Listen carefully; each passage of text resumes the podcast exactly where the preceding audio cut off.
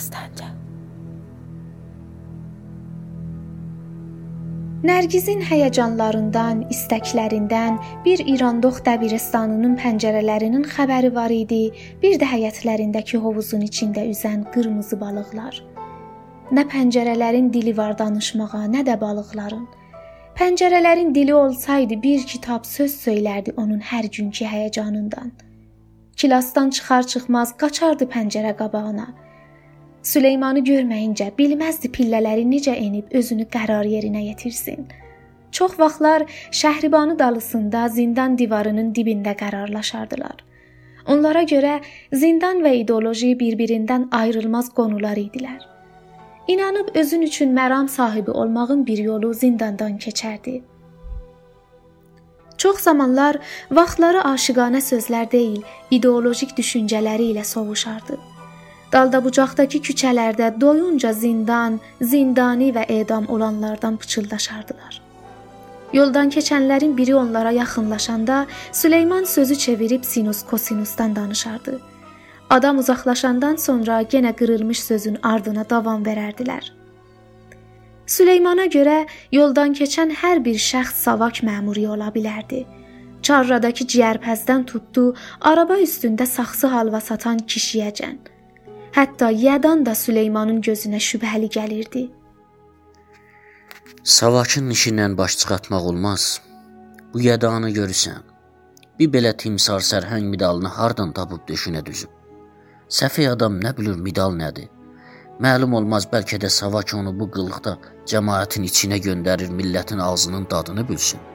Yadanı demirəm, amma min ildə qala qəndili Savaki olmaz.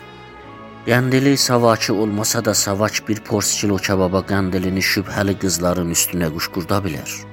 Mən bəlkə Savakın şikəncələrinə dözə bildim, amma qəndili o girdə gümbül boy buxu ilə, kosa sir sifəti ilə əli mənə toxunsa, zəhərim çatlar.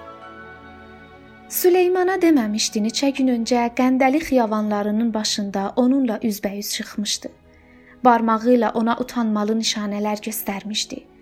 O isə qorxusundan xiyavanın o biri tayına atlayanda qəndili də onun dalısıca gəlmişdi. Küçələrinə dönəndə qəndili ona əl atmışdı. Süleyman gedə-getdə onun xatirələri yağış kimi zehninə yağır. Danışıqlar, təəssüflər, gülməklər, pıçıldamalar, o gecə Süleymanın otağındakı hadisə, hamısı qatar vaqonu tək bir-bəbir Nərgizin fikrindən keçir. Donub baxışını Süleymana zilləyib qalıb. Gedirəm deyən adam, yer göyü bir-birinə tikib gedişinə dəlili burhan gətirən adam 5 il sürəsində tanıyıb sevdiyi Süleyman deyil. Həyətlərində, hovuzun böyründəki təxtin üstündə riyazi öyrənmək bəhanəsi ilə pıçıldamaqları günü-gündən bir-birlərinə olan əlaqələrini artırmışdı qırmızı balıqlar dilə gəlsəydi. Dastanca. Nərgizi qəhər basıb, bilmir Süleymana nə desin. Getmək ağlının ucundan belə keçmir. Hətta bu gedişdə Süleyman onun yol yoldaşı da olsa, buraxıb gedə bilməz. Dünyanın pis yerində dayanmışıq Nərgiz. Niyə bunu düşünmüsən? Bir söz də axı. Vaxtlardır. İstəmirəm səndən gəldiyim yolu yarımçılıq buraxıb gedim. Hər şey Nərgiz bacının yaz törənindən başlanmışdı. Süleyman həyətin quzeyindəki kişi məclisində qulluq edirdi. Çay, xurma, halva paylayırdı. Çay məcmuəsini hovuzun qırağında Süleymanın əlinə verəndə onun baxışının cazibəsindən qaça bilməmişdi. Süleyman gülə-gülə demişdi: İndi Nərgiz bacı gələ dirilə. Bu gilanarı çayları görsə yan yörəsini quddalayıb tumanının cibindən bir ovuc şəkər pənir çıxardıb tökər mecmeyə. Ölünün dalısıca danışmazlar. demişdi Nərgiz. İkisi də göz-gözə baxıb pıqqıldamışdılar. Deyirlər Nərgiz bacı cavanlıqda istirmiş qarışsın firqə fədailərinə. Onda Nərgiz bacı yox, ləqəbi olardı qırmızı dişli fədai xatın. fədai olmaq elə də çətin deyil. Göylün olsa, fikirlərini qəbul eləsən, sən də fədai ola bilərsən. Nərgiz bacı nağıllardakı cadugərlərə bənzəyirdi. Onun hənalı telləri xoruzun lələyi rəngində idi. Dişini ağardanda bir cüt həna rəngində taxma dişi dodağı altından görünərdi. Uşaqları xoşlansaydı da, uşaq niskili ürəyində qalmışdı. Onun dərmansız bir naxoşluğu var idi. 2 həftədən bir gözünün bucağından bir kirpik göyərib gözünə girərdi. Yetişib yetişməmiş, keçib pəncərə qabağında işığa sarı ləhistani səndəlin üstündə əyləşərdi. Bala, bu kirpi, kirpi tikanı kimi yenə gözümə batır. Anasının əlində yağ daşsaydı da maqqab götürüb Nərgiz bacının dadına çatardı. Hövsələ ilə onun gözünə batan kirpiyi maqqabla çəkərdi.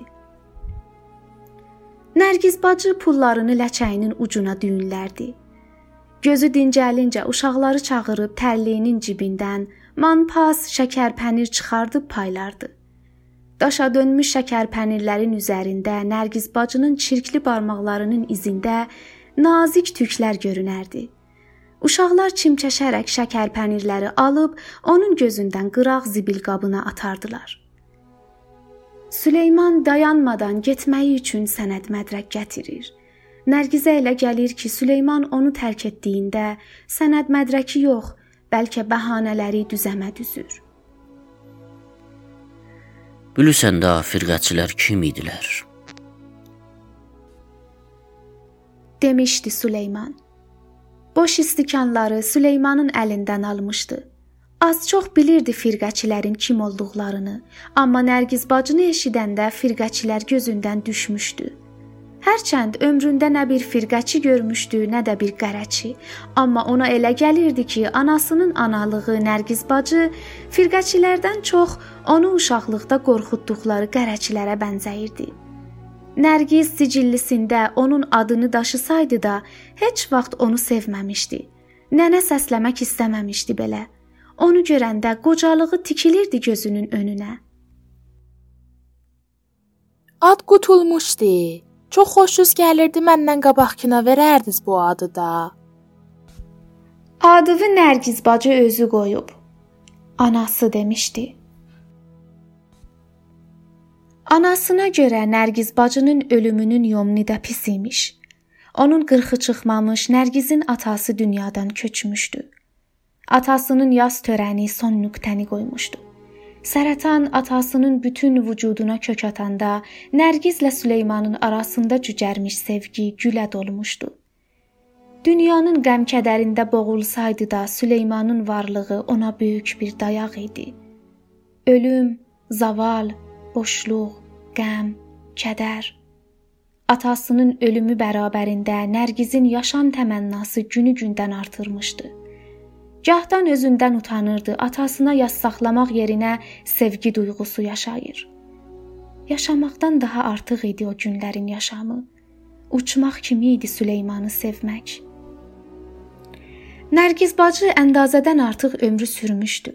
Yolun sonuna çatmağı, rəhmətə getməyi hamını rahatlamışdı. Amma atasının yaşayış yolu çox qıssaymış. 50 yaşına çatmamış dünyasını dəyişmişdi. O isə yolun ləzzətini hələ taza dadırdı. Sevgi canlı-canlı atasının baş daşısının arxasından ona baxırdı. Süleyman atasının yoxluğunu doldururdu. Onunla bərabər gözləri yaşa dolmuşdu. Onunla bərabər hüzünlü baxmışdı. Onu anlamışdı. Onun qəm-qüssəsini başa düşmüşdü. Əlini bərkdən sıxmışdı. Nərgiz dəfələr özünü öz qurduğu məhkəmədə suçlandırmışdı.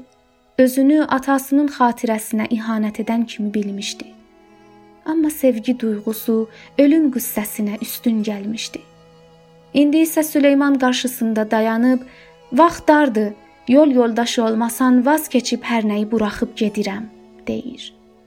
Atası yoldaşsız yolunu çəkib getmişdi. Süleymanın varlığı atasının yoxluğundan çox gözünə gəlmişdi. Dastanca. Aydın gecələr, Notre-Dame'ın donqarı, səfillər, mədrəsə müdürü, Bu kitablar insanın kədərlərinə təskin verər. Bu dəfə təskin tapmağıma hansı kitabı oxumalıyam? Süleyman hoyuxubdu. Nərgizin sözünü başa düşmür. Nərgiz isə daşa dönmüş kimi Süleymana baxır. Onun dalbadal düzdüyü dəlillərə heç bir təpki göstərmir. Deyəsən Süleyman getmədən özü öz səsi ilə sevgilisinin qara kağızını oxuyur. Nərgiz isə donuq baxışını Süleymana tikib fikri kitabların yanında qalıb. Günü sabahdan hansı kitabı başlayıb oxuyum? Səfilləri, Ninanı, Dəvəgözünü, yoxsa Cəmiləni? Cəmiləni oxumalıyam. Süleyman ayağını qapıdan eşiyə qoyduqda yalnız bir xatirəyə dönüşəcək. Odalovlu, qızdırmalı bir xatirə. Bağırıb uca səslə ağlamağı gəlir. Özünü daşlaşmış heykəlindən qurtarmağı gəlir. Süleymana baxdıqca, onun sözlərini eşitdikcə hissləri canının dərin qatlarında gizlənməyi gəlir özünü dünyanın böyük bir aptalı hiss edir. İnadla ağlı bir-birinə dolaşıb. Ağlı Süleymana bel bağlama, getmə deyir. İnadı ağlına qarşı durub. Nərgiz nə kirpik çalır, nə dilindən bir söz qopur. Süleyman isə çantasından kağızda bükülmüş bir bəstə çıxardıb Nərgizə verir. Bu da vidalaşma töhfəsi. Demək hər nəyin fikrini eləmişdin. Sən nə ağıllı birisisən, Süleyman. Süleyman çırıxıb qalıb, bilmir nə desin. Əlini Nərgizə sarı uzaldır. Nərgiz ağzını doldurur desin. Bir bu qalmışdı ki, dalınca su səpim. Lakin susub dik-dik Süleymana baxır. Süleyman Nərgizin əlini sıxıb qapıdan eşiyə çıxır. Süleymanın əli daşa dönmüş əl kimi idi. Sərt, soyuq. Az qalır Süleymanın arxasıcan qaçıb getmə desin. Ürəksiz olduğuna, qorxaqlığına etiraf eləsin.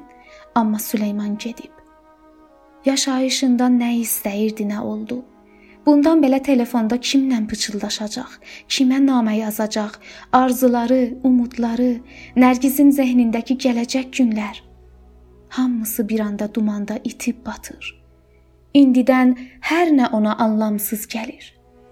Otağa girəcək Süleyman töhfə verdiyi bəstəni bütün var gücü ilə divara çırpır. Çiyinləri ayaqlarına ağırlıq edir. Büzüşüb divar dibində hərəkətsiz qalır. Dumandan başqa bir şey görmür. Başı Mehrinin dizi üstə, Mehri isə üzünə gülümsəyir. Moyda xanım, sənə nə olub belə daş kimi divar dibinə düşmüsən? Şəbkarinin əvarizidir. Ya fişarı düşüb, ya da qəndixuni yenib. Əbdalının səsi qulağına dəyir. Mehri dedi: "Həyyə vallah, şəbkaridən çətin bir də şəbkaridir. Səhərdən gecəyəcən yatsan da, gecənin 1 saat yuxusunun yerini verməz." Monir Əbdalının biləyindən yapışıb, "Mən dedim bə gözlərin yumub fikrə gedib. Sonra baxıb gördüm gözləri baxır, amma əksüləməli yoxdur." Lorikin əlində bir livan qəndab, Məsumun dodağında bir təbəssüm. "Dur bir qurtum bundan iç," deyirlər. Şirin isə Süleymanın verdiyi töhfənin kağızının kəsbini qoparda-qoparda Mən bəxşin pəncərəsindən baxırdım. Bir nəfər pansiondan eşiyə çıxdı. Qaça-qaça gəldim görəm kimdir? Gördüm Monir hey Nərgiz Nərgiz deyir. Şirin danışa-danışa kağızda bükülmüş qara rəngdə bir bluzu çıxardıb öz döşünə tutub "Yaraşır" dedi. Qızların hamısı ona sarı döndülər. Bax bura, Özü də ipəhdir. Demə ha bülmürük Nərgiz xanım. Biz də çörəyi ağzımıza yeyirik, qulağımıza yox ha. Əbdalı dedi. Ay Şirin, sən də az bu bulla görək. Lap belə baş beynimizi apardın ha. Görmüsən bu nə halda? Mehri əl uzaldıb əsəbi halda buluzu Şirinin əlindən çəkdi. "Şirin xanım, həddini aşdın ha?" Şirin dedi.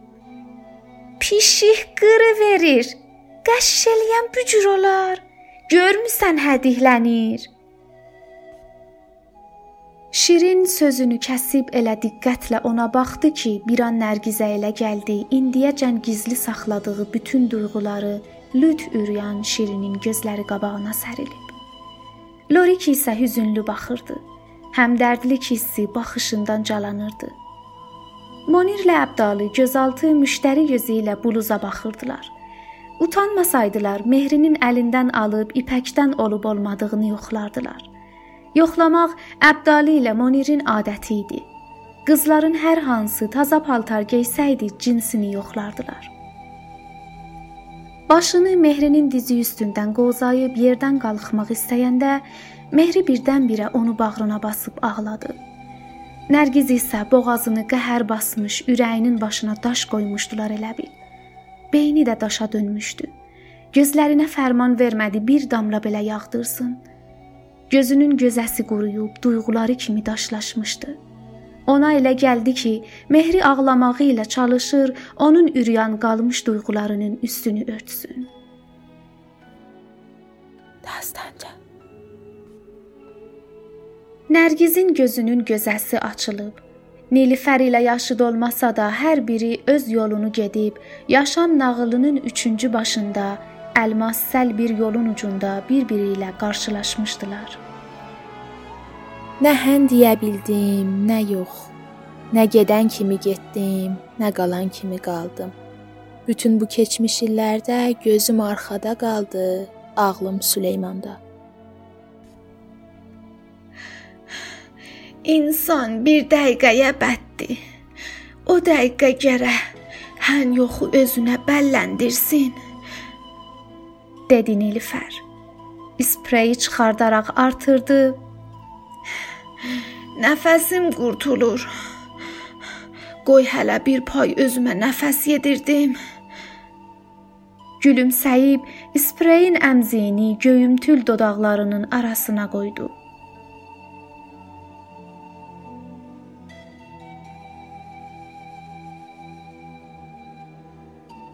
Kitabın adı Quşlar daha qorxmurlar. Yazar Ruqəyyə Kəbiri. Bu kitabı səsləndirdilər. Ravi Saray Tahiri, Süleyman Muxtar, Mehdi Miyablı, Nərgiz Aysuda Məhdəvi. Düzənləyən Səccad Müslimi. Bizim axağa qatılmaqla işimizin ardını tutmaqda bizə dəstək olun. Axağımızın adresi Dastanca D A S T A N C A